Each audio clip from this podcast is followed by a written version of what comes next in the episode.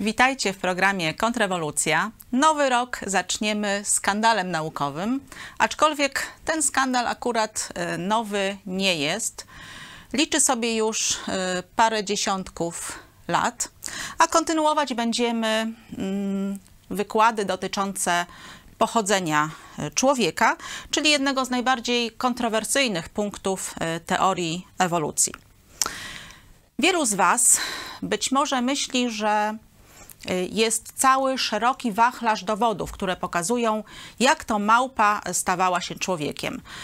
Schemat ewolucji człowieka, czyli takiego powolnego stawania się człowiekiem od jakiejś pramałpy, y, jest znany praktycznie wszystkim. Poproszę slajd. Schemat ten e, pokazuje Wam, e, żeby zadać pytanie, czy są jakieś dowody naukowe na e, taką powolną ewolucję aż do człowieka, ale nie chcę, żebyście sobie zaśmiecali nim specjalnie głowę, dlatego że myślę, że powoli odchodzi on już do lamusa. Jest praktycznie prawie że reliktem. I mam nadzieję, że to nie będzie długo w latach, kiedy ten schemat będziemy widzieli tylko y, w historii nauki. A zatem, skoro po to go wzięłam, y, to pytanie brzmi, czy są naukowe dowody na takie powolne ewoluowanie człowieka od y, pramałpiego przodka aż do nas? No, jak wiecie z poprzednich e, wykładów kontrrewolucji, nie ma ich w biologii molekularnej, nie ma ich w genetyce, wręcz badania genetyczne świadczą przeciwko możliwości istnienia małpoludów. No to w takim razie może znajdują się one w dowodach kopalnych. Bo jeśli teoria ewolucji e, byłaby faktem, jak twierdzi na przykład profesor Jerry Coyne, no to w takim razie tych dowodów e, powinno być mnóstwo. Tymczasem y, realia y, są takie, że dowodów jest y, jak na lekarstwo. W czasopiśmie Science z 14 sierpnia 1981 roku jeden z naukowców, paleoantropologów, wyraził się tak. Na podstawowy dowód naukowy składa się żałosna garstka kości. Żałosna garstka kości, czyli cały dowód naukowy ewolucjonistów, y, na którym opierają historię ewolucji człowieka, to jest y, garstka kości, które zmieściłyby się na tym stole w studio, a i tak y, część z tych kości okazała się w historii nauki fałszerstwami albo na przykład nie tym, o czym naukowcy myśleli, że to jest. W miarę rozwoju nauki e, zapis kopalny ewolucji człowieka, e, ten schemat, który już na samym początku pełen był różnych domniemań, różnych znaków zapytania, przez e, ponad 150 lat od czasu, kiedy Thomas Huxley pierwszy zaproponował taką ewolucję, praktycznie nie tylko nie posunął się do przodu, nie zostały wyjaśnione jakieś znaki zapytania, jakieś hipotezy. Wręcz przeciwnie, im więcej jest badań naukowych, tym więcej przybywa znaków zapytania, tym więcej przybywa domniemań. Ten schemat jest e, coraz mniej e, wyraźny i coraz bardziej wątpliwy. I jak mówiłam, również okazało się, że część z dowodów, które kiedyś uważano za naszych e, bliższych lub e, dalszych kuzynów, okazało się ewidentnymi e, fałszerstwami. A zatem, jak już mówiłam na wykładzie Małpoludy a genetyka, nie ma dowodów genetycznych. Wręcz świadczą one przeciwko ewolucji e, człowieka. E, mówiłam też Wam o e, tak zwanym dylemacie Haldeina, że dopóki ten mm, dylemat nie zostanie rozwiązany, a do dnia dzisiejszego nie został, nie ma żadnych podstaw naukowych, aby twierdzić, że małpoludy w ogóle istniały. No ale ktoś z Was mógłby sobie powiedzieć, no tak, no może sobie gadać co chce, no ale skąd się biorą te wszystkie małpoludy w, ma w muzeach? Skąd się biorą we wszelkich y, podręcznikach ewolucyjnych, y, w programach y, popularno-naukowych? No właśnie, zdania naukowców y, na temat małpoludów są y, podzielone. Y, Owszem, naukowcy o poglądach ewolucjonistycznych twierdzą, że z pewnością takie istoty istniały. Fakt, że nie mamy na nie dowodów, jakoś po prostu przełykają jak gorzką pigułkę, ale coraz więcej naukowców zaczyna mieć bardzo poważne wątpliwości co do tej hipotezy, a są również tacy, którzy E, opierając się czy to na badaniach genetycznych, czy na badaniach anatomicznych, twierdzą, że małpoludy e, nie miały prawa istnieć.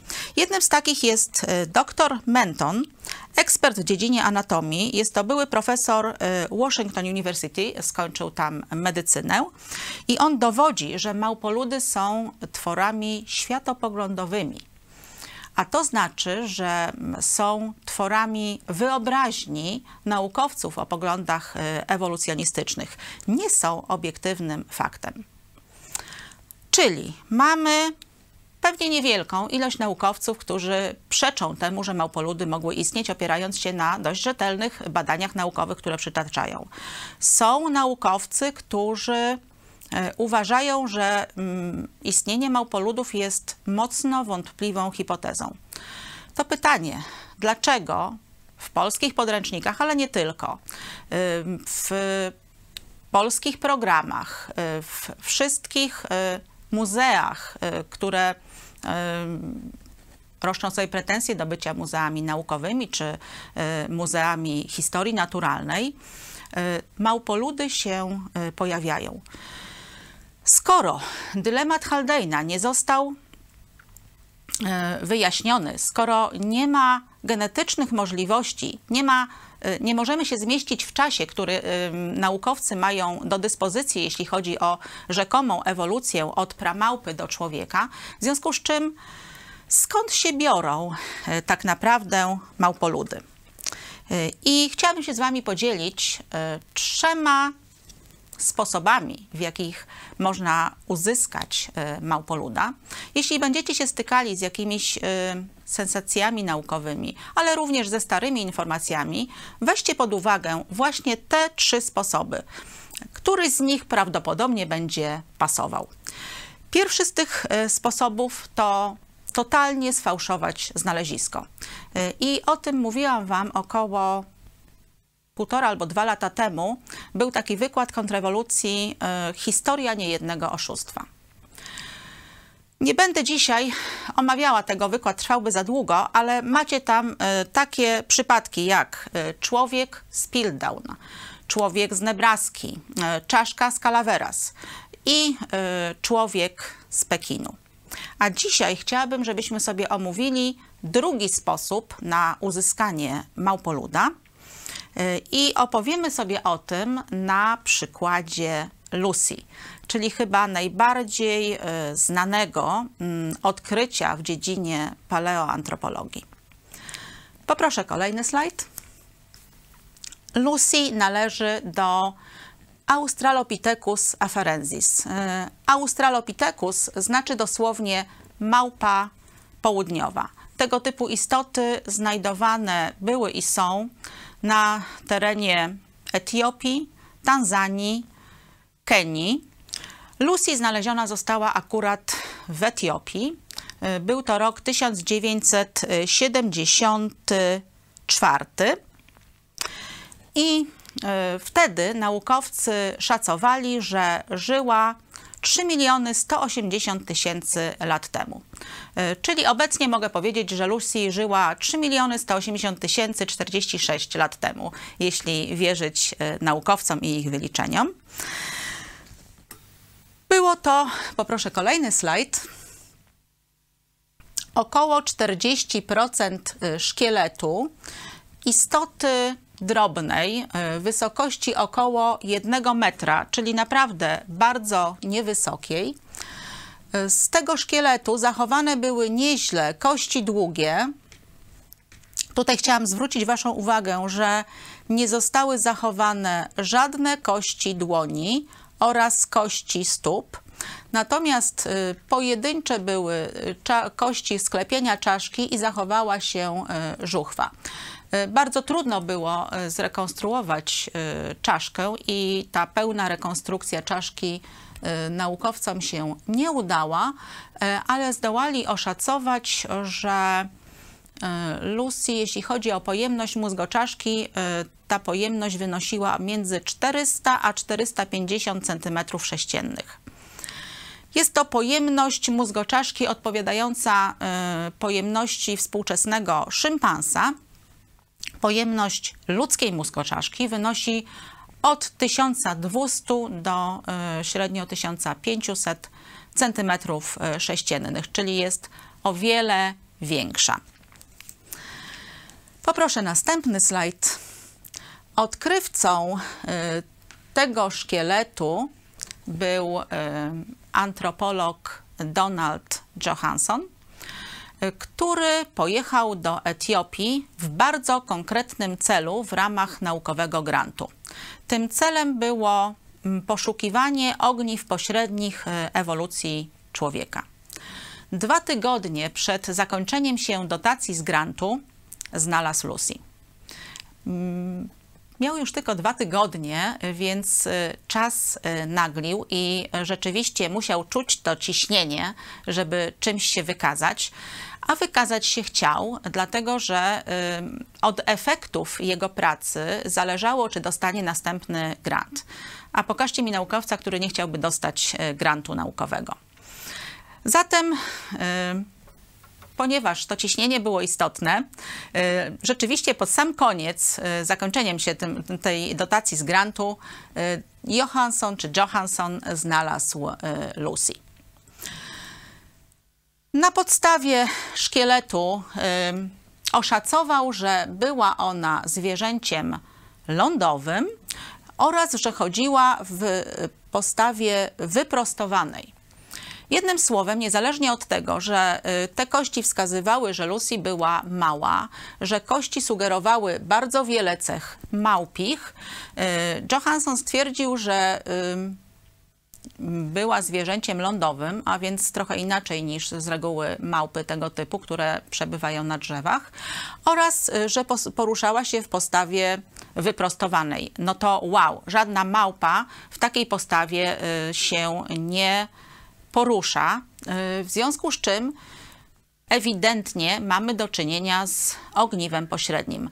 Tak to też Johansson y, ogłosił, no ale nie ma się co dziwić, w końcu y, szukać ogniw pośrednich pojechał. I chciałabym Wam teraz pokazać pewien ewolucyjny filmik, który pokazuje, jak hipotetycznie mogła się poruszać Lucy. Poproszę film.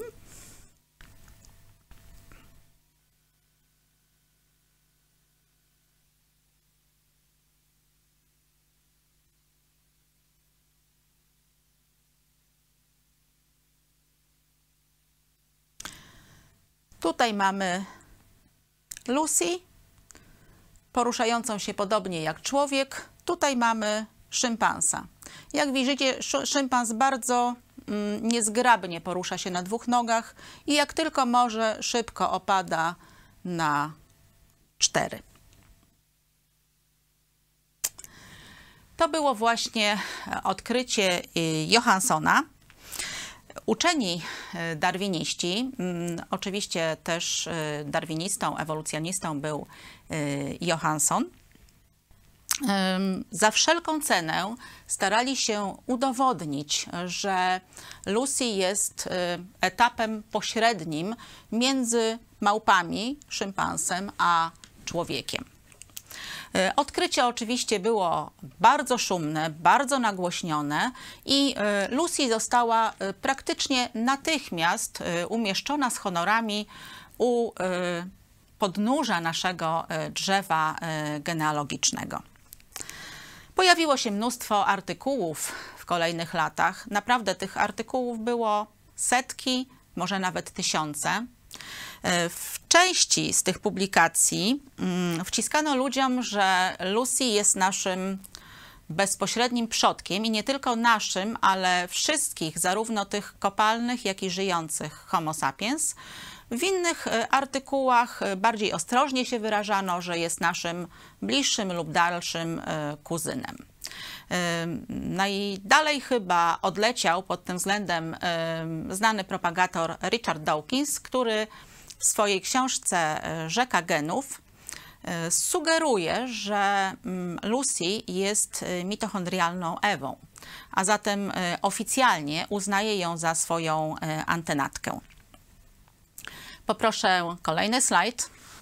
No i jak się przyjrzymy pewnym rysom Lucy, to być może Rysiu Dawkins dopatrzył się jakiegoś podobieństwa z własną fizjonomią, skoro tak twierdzi. Ale wróćmy do Lucy. Jeśli chodzi o te artykuły, e, one też zrobiły swoją robotę. Mianowicie, e, w zależności od tego, e, czy w danych krajach przeważała, przeważało to myślenie o niej jako o naszej bliższej antenatce, czy dalszej, rekonstrukcje Lucy, które zaczęły się pojawiać jak grzyby po deszczu po tym odkryciu i są obecne naprawdę w większości muzeów dotyczących nauki, ewolucji czy historii naturalnej, te rekonstrukcje naprawdę w zależności od y, wyobraźni artysty i aktualnego zapotrzebowania ewolucjonistów albo troszkę bardziej przypominały małpę, albo troszkę bardziej człowieka. Poproszę slajd następny. Tutaj mamy Lucy z Hiszpanii, taką bardziej człowiekowatą. Zwróćcie uwagę, że y, ręce Lucy, czyli oparte na rekonstrukcji kości, których nie było, y, są y, ludzkie. To jest jedna z cech, które mają nas przekonać, że Lucy jest ogniwem pośrednim. Poproszę kolejny slajd.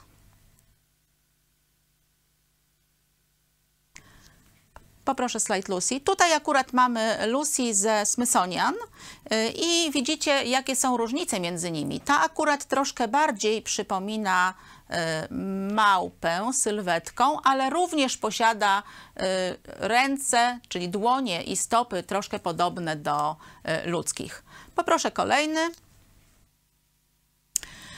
Tutaj mamy znajdującą się w Warszawie w Muzeum Ewolucji Polskiej Akademii Nauk Lucy, y, przypominającą y, bardziej człowieka, oczywiście z rękami, stopami, które imitują y, ludzkie. I naprawdę poproszę slajd dotyczący kości Lucy. Zwróćcie uwagę, to co znalazł Donald Johansson Tutaj na brązowo macie zaznaczone te kości, które były znalezione. Nawet czaszka była strasznie niekompletna, yy, ponieważ yy, kości są symetryczne, no to tutaj jeśli chodzi o staw biodrowy można uznać, że praktycznie prawie cały był znaleziony, ale nie było żadnych kości rąk, żadnych kości stóp, a od początku, yy, od po tym odkryciu rekonstruowano Lucy e, właśnie w ten nienaukowy, skandaliczny e, sposób.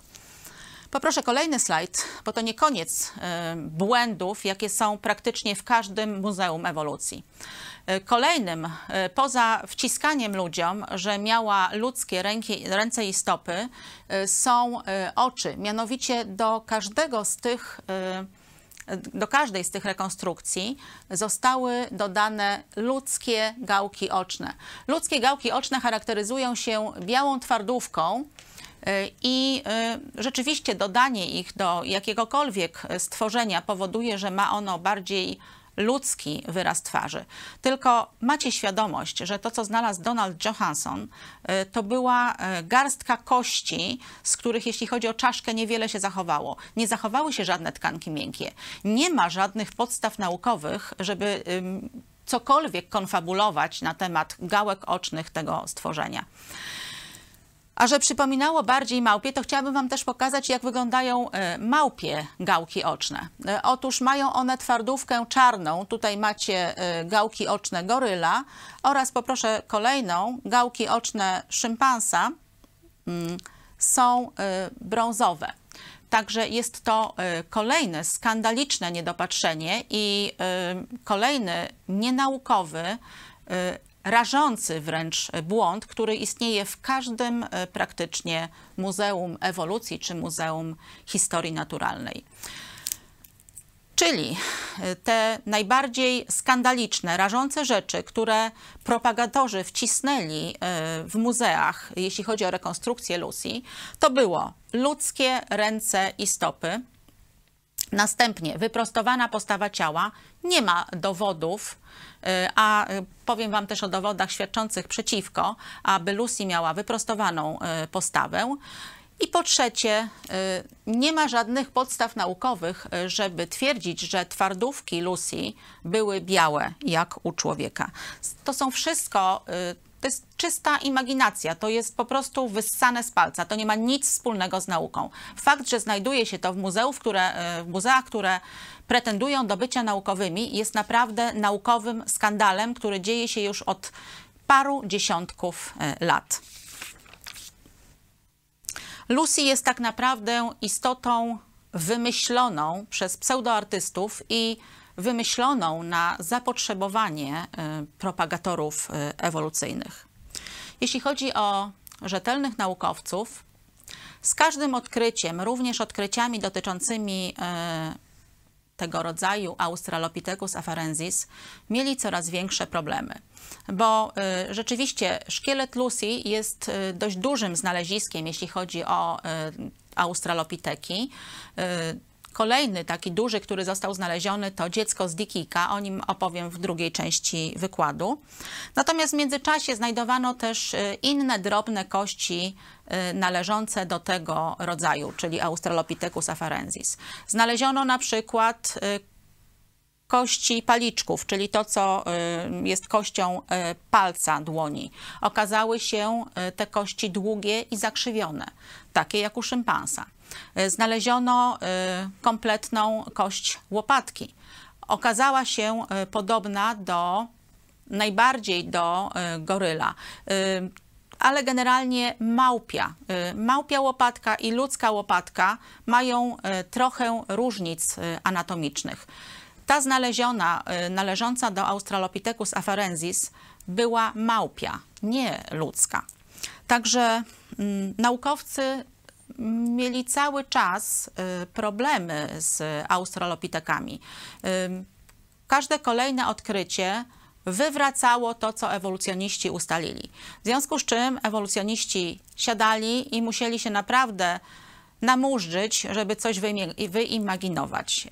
I ledwo im się udało coś tam wymyśleć, co by tłumaczyło takie, a nie inne y, znajdowane kości, to kolejne na, na znalezisko znowu to wszystko y, wywracało.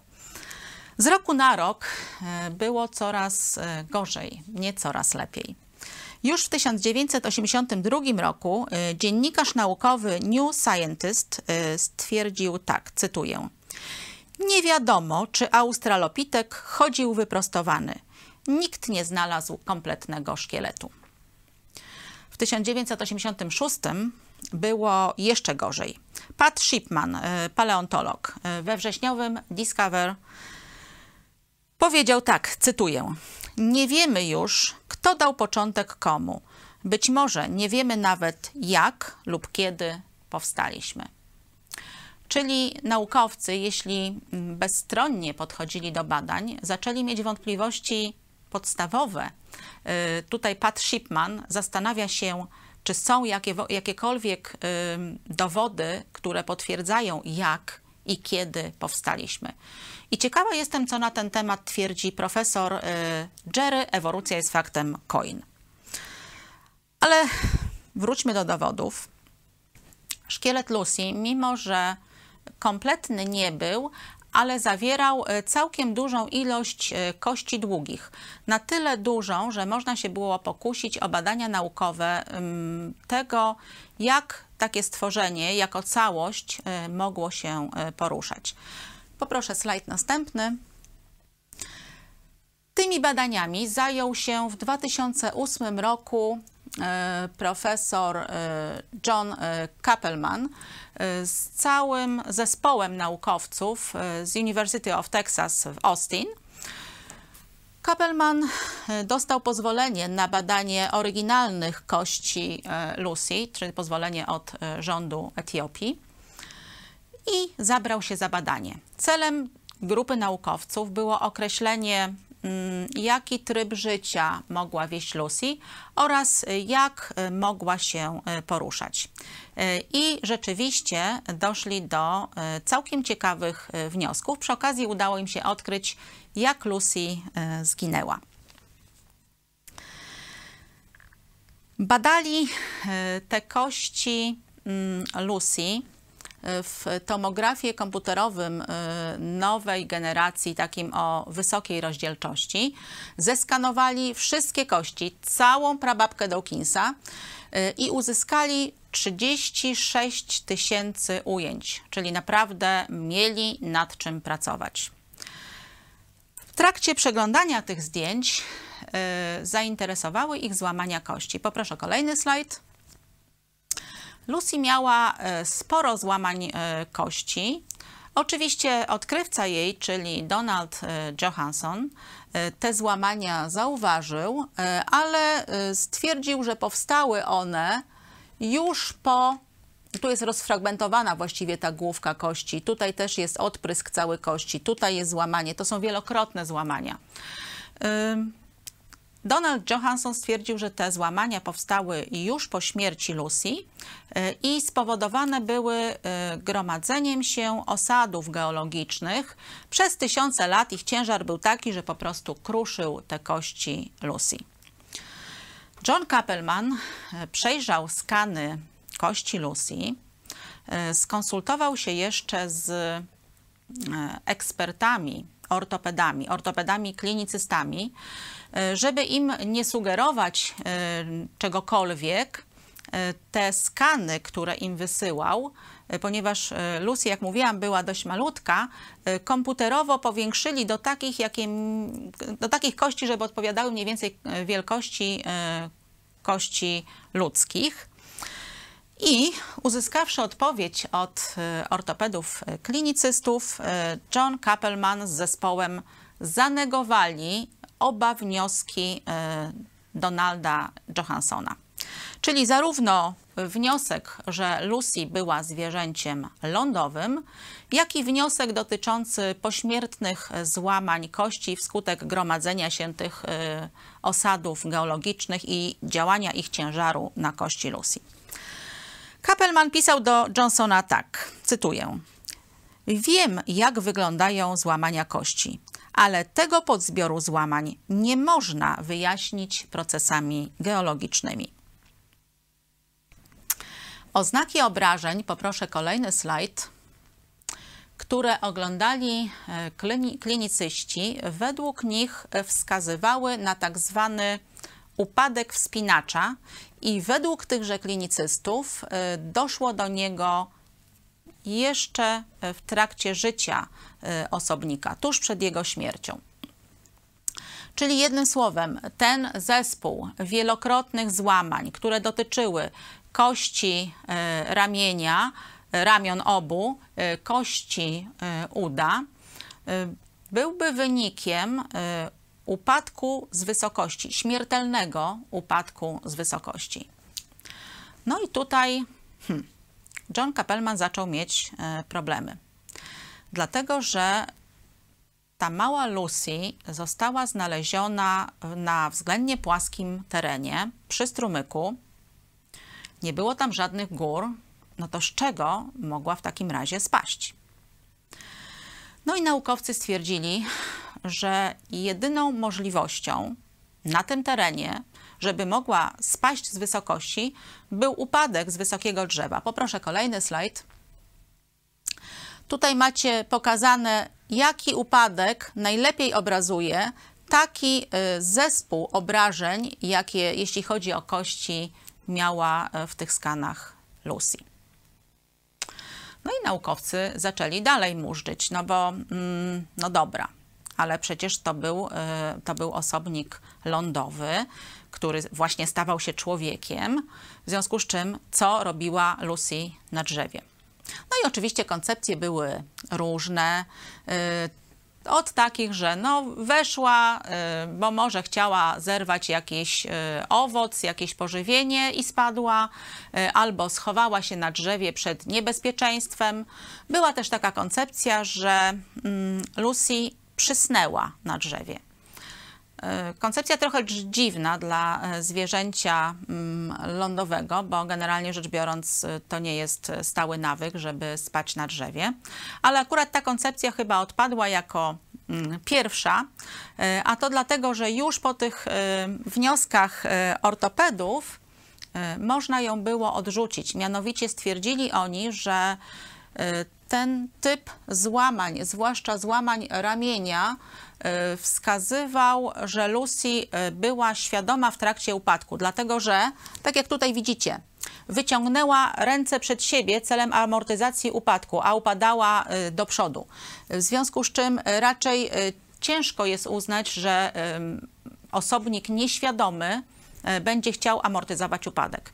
Gdyby przysnęła i spadała z drzewa, wiecie, spadanie trwa sekundę, czy coś koło tego, to jakby się obudziła w trakcie, no to mogła najwyżej e, rozłożyć e, ręce. Natomiast taki upadek, czy taki zespół złamań świadczący o podobnym upadku sugeruje, że Lucy świadoma była w momencie, kiedy spadała z drzewa. No, później się okazało, że też e, ciężko jest wyjaśnić Bada, przy, przy, poznaniu kolejnych badań e, to, że sporadycznie sobie tam wskoczyła na drzewo po owoc, czy e, uciekła przed jakimś niebezpieczeństwem. E, I ciekawe jest, jak zareagowali na to naukowcy ewolucyjni, którzy do tej pory uparcie twierdzili, że Lucy była cały czas zwierzęciem lądowym. Otóż przy tych wszystkich badaniach y, zaczęli, oczywiście dalej twierdzili, że Lucy była absolutnie zwierzęciem lądowym, ale jak w pewnej książce ewolucyjnej wyczytałam, y, ujęli to w ten sposób, że Lucy miała skłonność do chodzenia po drzewach. Poproszę kolejny slajd. Dalsze badania robiły już e, dwa zespoły naukowców. Jeden to znany nam już e, zespół e, na czele z Johnem Kappelmanem z Texas University z Austin. Drugi to był zespół naukowców z John Hopkins University razem ze Stanów Zjednoczonych, więc prowadzili te badania wspólnie. E, mieli nad czym pracować. W końcu e, to było 35 czy 6 tysięcy skanów e, kości Lucy, więc było się nad czym zastanawiać. No i przy okazji zaczęli się przyglądać poprzecznym skanom kości długich, czyli zarówno ramion, jak i uda Lucy i zainteresowało ich e, pewna przebudowa e, kostna. Mianowicie wnioski z przejrzenia tej całej masy zdjęć e, obu zespołów było takie, że u Lucy doszło do przebudowy kostnej górnej połowy ciała. Przebudowy kostnej, czyli chodzi o to, poproszę kolejny slajd, że zewnętrzna część kości była grubsza w górnej e, połowie ciała.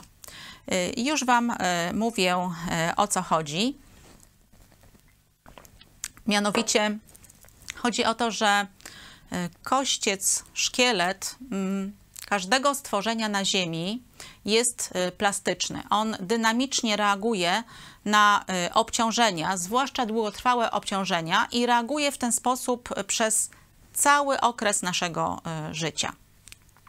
Jeśli dochodzi do e, e, użycia jakichś kończyn w czynnościach nośnych albo dużego ich przeciążania przewlekle przez długi okres czasu, to dochodzi w naszym szkielecie do pewnej kostnej przebudowy, która pogrubia zewnętrzne części kości.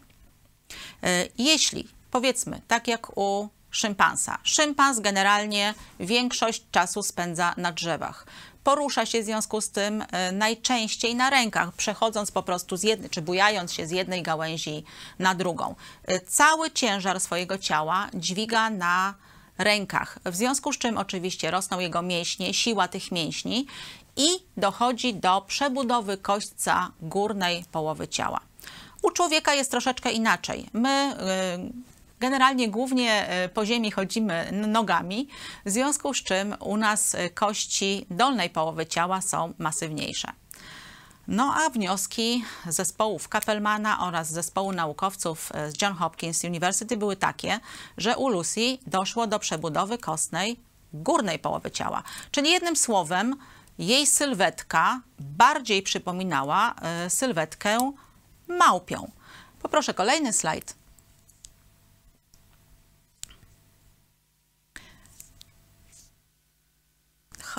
Chciałam jeszcze dodać, chyba nie mamy tego slajdu, e, że w związku z tym e, cała e, muskulatura Lucy była po prostu bardziej, czy bardziej, była przypominającą szympansa, a ponieważ przebudowa kostna, wiecie, to nie jest coś, co dziedziczymy po naszych przodkach. To jest związane z czynnościami, z obciążaniem y, naszego kośćca.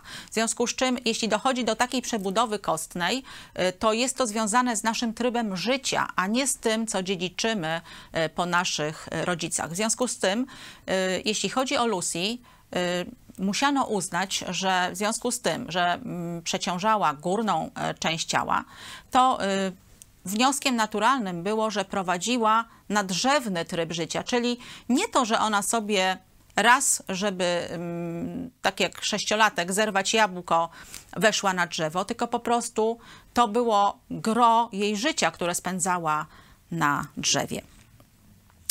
Chciałam jeszcze tak y, dla relaksu, żeby nie było tylko o Lucy, y, powiedzieć Wam pewne ciekawostki dotyczące tej przebudowy kostnej. E, mianowicie tak jest u wszystkich stworzeń, no ale e, powiemy sobie o ludziach. Jestem lekarzem, więc mi jest najłatwiej o tym mówić.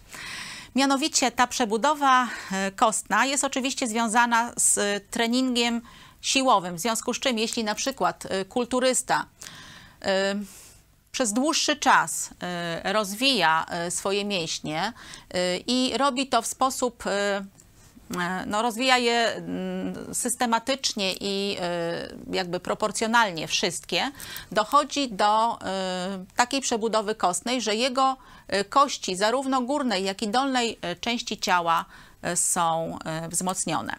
E, ale to powiedzmy nie jest takie ciekawe e, w skanach, e, jak się ogląda tomografię komputerową.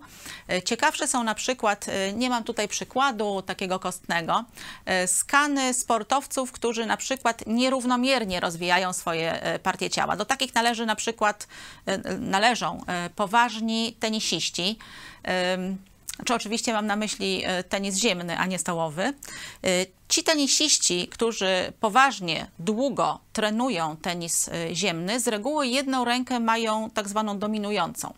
W związku z czym po prostu częściej używają jej przy odbieraniu piłki, częściej ją ćwiczą, częściej obciążają, w związku z czym u nich kościec, jak się patrzy na skany tomografów, e, tomografii komputerowej, e, kościec e, ręki dominującej ma grubszą tą zewnętrzną warstwę kości niż skan drugiej ręki. Ciekawe jest też, poproszę kolejny slajd, budowa gimnastyczek. Mianowicie Kobieta, która nie ćwiczy akrobacji czy gimnastyki, gdzie y, większość, że tak powiem, y, jak ćwiczy się na drążku, y, praktycznie cały czas to górne kończyny są obciążane, to one, wszelkie czynności nośne właściwie na nich podczas treningu spoczywają. Kobieta, która tego nie trenuje, z reguły ma. Mm, szerokość obręczy barkowej i bioder jest mniej więcej równa, czasami bioder troszeczkę większa. To jest tak standardowo. Natomiast u gimnastyczek dochodzi do oczywiście przebudowy mięśniowej, no bo ćwiczą, e, ale również przebudowy kostnej, takiej, że y, szerokość tej obręczy barkowej jest większa niż y, szerokość y, bioder. I jeszcze raz chciałam podkreślić, to nie znaczy, że rodzice, powiedzmy mama tej gimnastyczki, też ma szersze bary niż biodra. Absolutnie nie, nie musi. Tak samo gdyby ta gimnastyczka miała siostrę bliźniaczkę i tam siostra bliźniaczka nie byłaby gimnastyczką, to absolutnie nie musiałaby mieć takiej y, sylwetki. Natomiast y, jeśli widzieliście kiedyś nawet wychodzące y, do ćwiczeń gimnastyczki, to, że mają y, szersze bary niż biodra, y, bardzo się rzuca w oczy. Mają też takie dość wąskie biodra i dość delikatne nogi. Po prostu więcej treningu u nich jest, jeśli chodzi o górną mm, część ciała. Z drugiej strony odwrotnie, jeśli chodzi o kościec, jest na przykład u astronautów. Jeśli spędzają oni mm, jakiś czas na statku kosmicznym, e, czyli w e, prawie praktycznie zerowej grawitacji, dochodzi u nich y, skutek właśnie nieobciążania kośćca do cieńczenia tej zewnętrznej warstwy y, kości. Dlatego jeśli chodzi o grafik na promach kosmicznych y, czy innych stacjach, dzienny jest taki, że astronauci naprawdę sporo ćwiczą i, i, muszą to robić we własnym, dobrze pojętym interesie, dlatego że to nie chodzi tylko o to, że jak wrócą na Ziemię, to skutek grawitacji będą ich bolały stawy E, czy mięśnie, ale również o to, że tak ścięciałe kości, kiedy z powrotem doświadczałyby e, normalnej ziemskiej grawitacji, e, przy dłuższym pobycie w zerowej mogłoby dojść do tego, że przy naprawdę byle nieuważnym ruchu mogłoby dojść do złamania.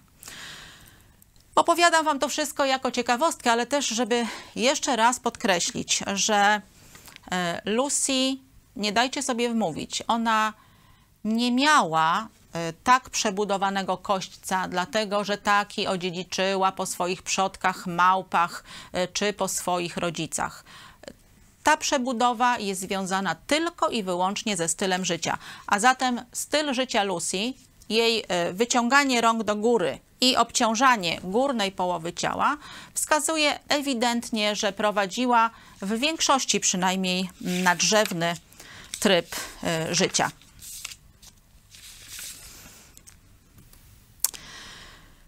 Kapelman e, właśnie to wykazał, aczkolwiek sam e, również był ewolucjonistą, nie bardzo wiedział, jak to wyjaśnić.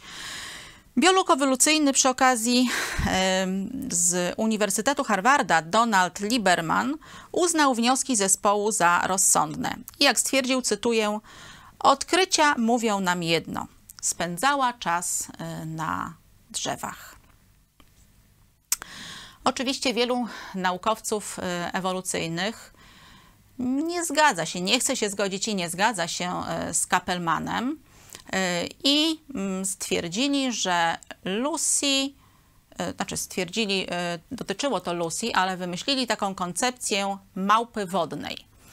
Czyli wyimaginowali sobie, że 3,2 miliona lat temu w Etiopii były bagna i Lucy tak brodziła w tych bagnach, więc wyciągała ręce i czepiała się tych na, zwisających nad bagnami gałęzi i dlatego przebudowała jej się górna połowa ciała.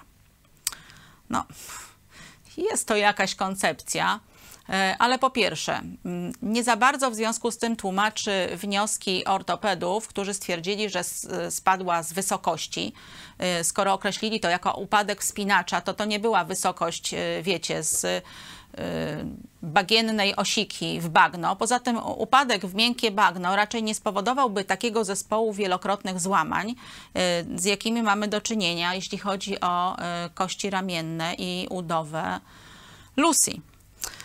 Pomijając już wszystko inne, wolę e, ufać e, ekspertom, e, ortopedom, klinicystom, którzy znają dobrze swój zawód, niż ewolucyjnym paleontologom, którzy na przykład przez 40 lat nie zorientowali się, że czaszka człowieka z Piltdown składa się z czerepu ludzkiego i to wcale nie z prehistorii, jak twierdzili, tylko ze średniowiecza, jak się okazało, i jest połączona z żuchwą orangutana. Także dla mnie wcale aż tacy wiarygodni nie są.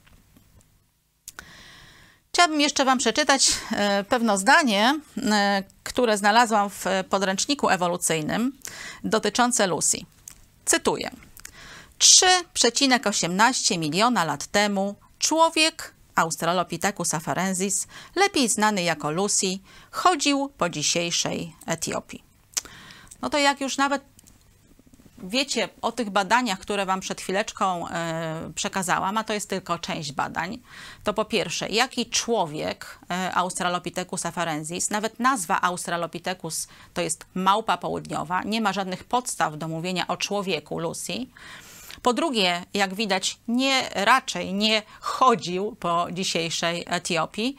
No, w związku z tym nie wiem nawet, czy 3,18 miliona lat nie dałoby się y, jakoś tam zakwestionować.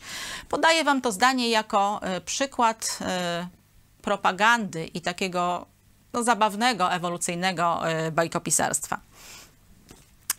Dalsze badania, hmm, jeśli chodzi o Lucy, były równie ciekawe. Mianowicie stwierdzono, że Lucy nie byłaby w stanie chodzić na dłuższe odległości, czyli e, zakwestionowano jej możliwość dwunożnego chodzenia. Poproszę kolejny slajd.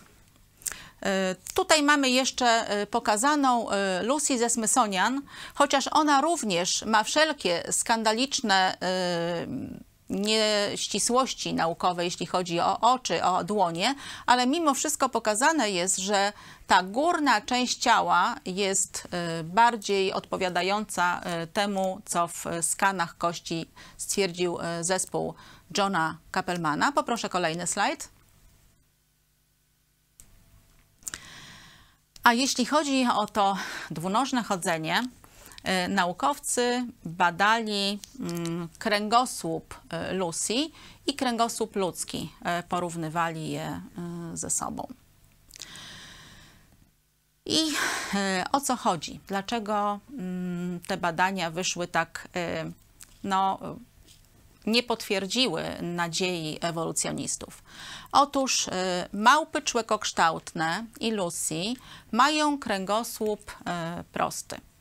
Człowiek ma kręgosłup y, przy pionowej e, postawie ciała z kyfozami, lordozami. Tutaj mamy lordozę lędźwiową, y, szyjną. Także to jest zupełnie inne ukształtowanie kręgosłupa.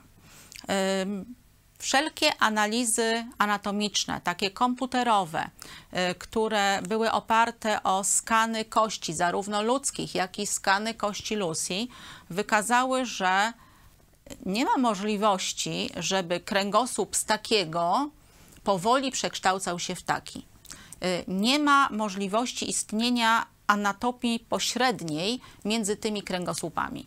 Y, wiemy, że y, to znaczy ci, których na przykład porządnie kiedyś bolał kręgosłup, którzy mają dyskopatię, wiedzą, że naprawdę czasami niewielki kręgozmyk, niewielkie o milimetry przesunięcie któregoś z kręgów kręgosłupa może powodować ucisk na worek oponowy, na rdzeń kręgowy, ucisk na korzenie nerwowe. W związku z czym naprawdę czasami to nie chodzi tylko o silne dolegliwości bólowe, ale czasami ten ucisk powoduje objawy neurologiczne, uniemożliwiające więc y, czasami na przykład wstanie z łóżka czy chodzenie przez jakiś czas, dopóki y, nie poleczymy tego y, kręgosłupa. W związku z czym y, mówienie, że istniała istota, której nagle te kręgi zaczęły się przesuwać, tak żeby z takiego kręgosłupa nagle pojawiła się tutaj lordoza, jest kompletną bzdurą, y, zarówno z punktu widzenia neurologii, jak i z punktu widzenia takich komputerowych analiz anatomicznych bo jak stwierdzili e, anatomowie, gdyby istniała istota, która byłaby gdzieś pomiędzy Lucy i człowiekiem, Lucy, czyli no, małpą e, a człowiekiem, e, to byłby to osobnik, który byłby po prostu kaleką. On nie byłby zdolny do samodzielnej egzystencji.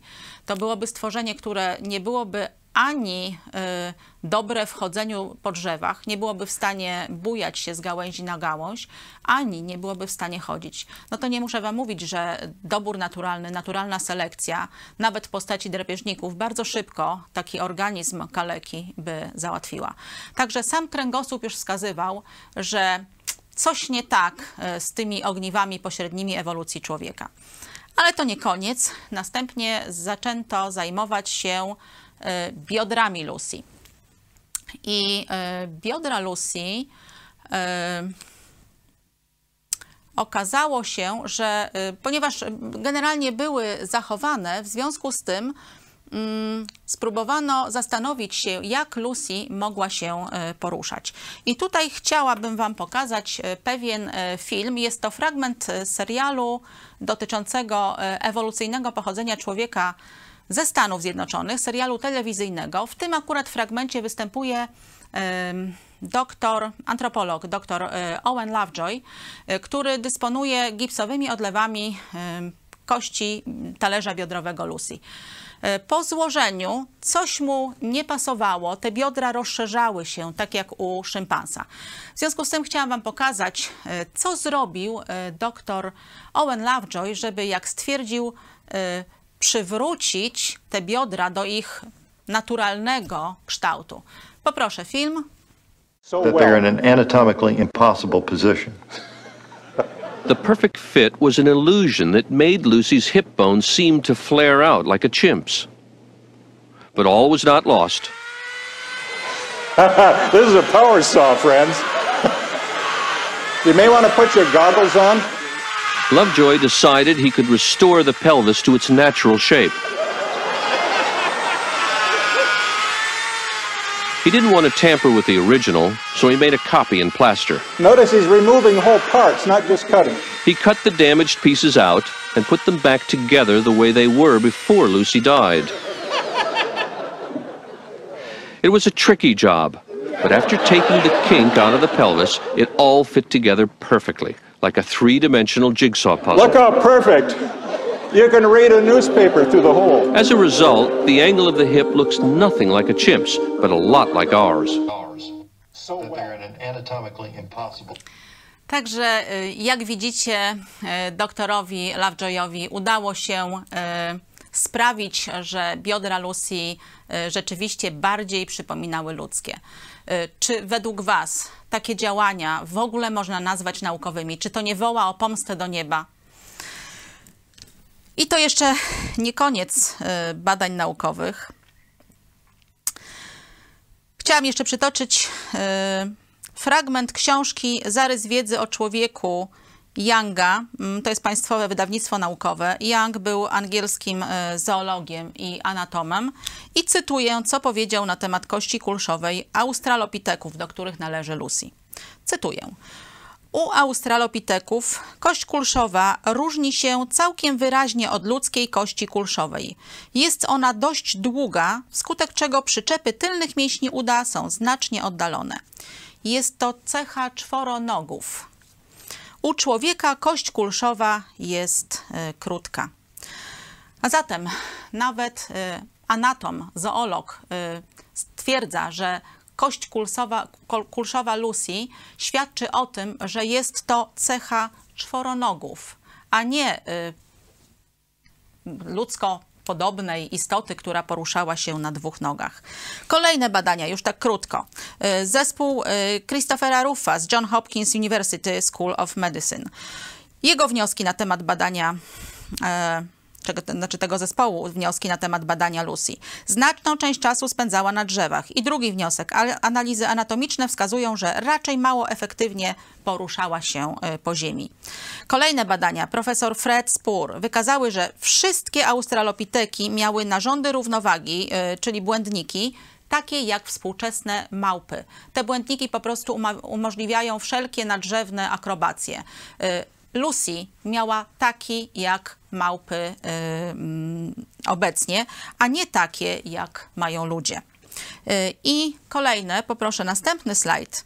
Niewielka czaszka Lucy wskazywałaby, że chód wyprostowany pojawił się zanim doszło do powiększenia mózgu. Tutaj ma się czaszkę Lucy, a to jest czaszka szympansa.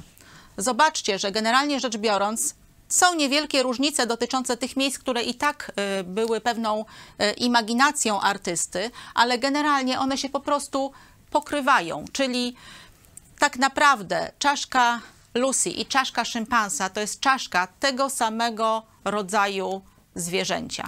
Y, I w nauce jest przekonanie, że chód wyprostowany pojawił się dwunożny wtedy, kiedy doszło już do powiększenia się mózgoczaszki. Czyli Lucy nie mogła poruszać się, nawet jeśli chodzi o poglądy ewolucyjne, y, w postawie wyprostowanej, mając jeszcze mózg zwykłego szympansa. te wszystkie informacje e, zostały jeszcze bardziej e, potwierdzone, kiedy znaleziono e, kolejny taki dość no, niecałkowity szkielet, ale znaleziono na przykład prawie wszystkie kości górnej połowy ciała. To było właśnie dziecko z Dikika i po badaniach naukowych stwierdzono tak. Wnioski z badań. Małpia budowa, płaski nos, czyli taki jak u szympansa, nie taki jak u człowieka. Kości palców były zakrzywione i długie, jak u szympansa. Obie zachowane kości łopatki małpie, przystosowane do wspinania i poruszania się po drzewach. Y, następnie prowadziła nadrzewny tryb życia. Analizy anatomiczne kręgosłupa i stawu kalonowego dziecka z Dikiga. Y, wnioski z tego były takie. Chodziła na czworakach, opierając się na, pięta, na pięściach, jak inne gorylowate lub szympansowate. Naprawdę te badania pokazują, że jeśli chodzi o Lucy, mamy do czynienia z jednym z najbardziej y, oburzających y, propagandowych przekrętów ewolucjonistów. Y, Lucy w związku z tymi badaniami, jak się opiem, bezstronnie je y, sobie przyswoimy, świadczą one o tym, że Lucy była po prostu odmianą szympansa. Poruszała się najczęściej na drzewie była, ale jeśli już się poruszała, to wnioski były takie, że było to cztery kończyny, a tylko okazyjnie mogła poruszać się na dwóch.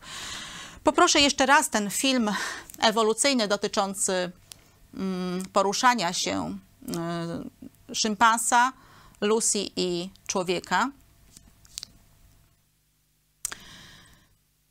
Jednym słowem, teraz, kiedy już y, znacie te badania, które Wam przedstawiłam, to stworzenie tak naprawdę y, nie istnieje. Wszystkie badania wskazują, że to jest to stworzenie, że Lucy jest tym oto stworzeniem. I pewnie tak samo się poruszała. Jak widzicie, szympans jest w stanie zrobić kilka tam kroków niezgrabnie yy, yy, na dwóch kończynach, ale chętnie opada na cztery. Po prostu w ten sposób jest mu yy, wygodniej. Reasumując dzisiejszy wykład, mm, jaki jest w związku z tym ten drugi e, sposób, żeby uzyskać e, małpoluda. Otóż, jeśli znajdziemy kości, po prostu trzeba zrekonstruować je tak, żeby te małpie kości bardziej przypominały ludzkie. To właśnie ewolucjoniści e, zrobili z Lucy. Także chciałabym jeszcze raz wrócić do zdjęcia Lucy z tych rekonstrukcji, które macie w muzeach. Jeśli będziecie gdzieś w muzeach, jeśli w miejscach waszego zamieszkania są muzea, na przykład jest w Warszawie, jest w Krasiejowie e, i zwróćcie uwagę na cztery rzeczy. Jeśli ma ludzkie dłonie i stopy, jeśli ma wyprostowaną postawę ciała, jeśli ma ludzkie twardówki oka e, i jeśli pod czymś takim jest podpis, że to jest e, przodek Homo sapiens, to naprawdę domagajcie się od muzeum usunięcia y, tych bzdur, bo to jest szokujące, że po tylu latach badań naukowych, badania Johna Kappelmana były w 2008 roku, czyli minęło ponad 10 lat, że nadal y, tak obrażające naukę rekonstrukcje znajdują się praktycznie we wszystkich muzeach. I nie wiem, czy apel, czy tylko krytyka, jeśli chodzi o polskich naukowców i to naukowców, zarówno anatomów zajmujących się naczelnymi, y, antropologów czy paleoantropologów. Tak naprawdę to wy powinniście się domagać już dawno, już 10 lat temu, y, zmian w muzeach, żeby usunąć wszelkie rażące y, błędy, które są niezgodne z odkryciami naukowymi. Poza tym, szanowni widzowie, tak naprawdę, jeśli chodzi o naukowców, paleontologów czy paleoantropologów, anatomów, to nie ja powinnam tutaj stać i mówić wam ten wykład. Powinien tutaj stać profesor dobrej polskiej uczelni. Yy, nieważne, anatom, antropolog, paleoantropolog i mówić wam dokładnie te wszystkie badania. Dlatego, że te badania są dostępne, na pewno naukowcy powinni je znać. Ja nie objawiam wam jakiejś wiedzy tajemnej, jakichś, yy, nie wiem, szalenie zakrytych rzeczy. To są rzeczy dostępne dla każdego, kto wertuje yy, periodyki naukowe, niektóre badania naukowe, niektóre artykuły ze świata po prostu. I to tylko z powiedzmy artykułów anglojęzycznych. Także y, mam nadzieję, że y, polscy naukowcy troszkę się ockną y, i ogarną chociażby temat zgłaszania tych rażących zaniedbań nienaukowych, które są w muzeach. Bo to wasze dzieci będą chodziły i patrzyły, zapamiętywały właśnie takie pochodzenie człowieka. No i żeby nie było tak e, ciężko zakończyć, e, to chciałam jeszcze Wam pewną ciekawostkę opowiedzieć, taką e, śmieszniejszą. Otóż chciałam Wam powiedzieć, jak to się stało, że Lucy dostała imię Lucy. Mianowicie jej imię, poproszę kolejny slajd, wzięło się stąd, że w latach 70. bardzo znane były, również wśród naukowców, hity zespołu The Beatles e, i ten e, przebój Lucy in the Sky with Diamonds był bardzo namiętnie słuchany w zespole, który odkrył Lucy. Jeśli chodzi o samą piosenkę, należy ona do jednej z tak zwanych naćpanych y, piosenek y, zespołu The Beatles. Y, drugą taką jest Strawberry Fields. Jeśli chodzi o Lucy in the Sky with Diamonds, pierwsze litery tytułu L, S, D wskazują, na czym wtedy jechali twórcy muzyki i tekstu do tej piosenki. Także no, Lucy E, swoje imię wzięła, nie wiem, nomen omen e, z naćpanej e, piosenki. To był zresztą taki dość ciężki okres w historii zespołu The Beatles. I o tym okresie między innymi John Lennon powiedział coś takiego. Dzieciaki powinno się ostrzegać, że kwas rozwala ci łeb mało znane powiedzenie Johna Lennona, ale e, bardzo, bardzo prawdziwe. LSD rzeczywiście powoduje, e, e, rozwala łeb, powoduje niezłe haluny, także mm, nawet jak się zwrotki tej e, piosenki e, przeczyta, są tłumaczenia po polsku, jeśli ktoś nie zna angielskiego, to e, każda zwrotka zaczyna się od wyobraź sobie to, wyobraź sobie tamto, jakieś takie marazmatyczne sceny, jakieś takie no, z Alicji w Krainie Czarów. A swoją drogą takie pytanie do ewolucjonistów, jak już sobie coś wyobrażamy. Skąd w ogóle wyewoluowała wyobraźnia? Nie wiem, czy macie na ten temat jakieś wyimaginowane koncepcje. Także jeśli chodzi o e, Lucy, to nie mogę się oprzeć wrażeniu, że niezależnie od ciśnienia dotyczącego końca dotacji, e, być może e, pod wpływem tej naćpanej piosenki Donald Johansson stworzył tak naćpaną teorię pochodzenia Lucy i tego, że Lucy miałaby być ogniwem pośrednim. Poproszę jeszcze jeden slajd.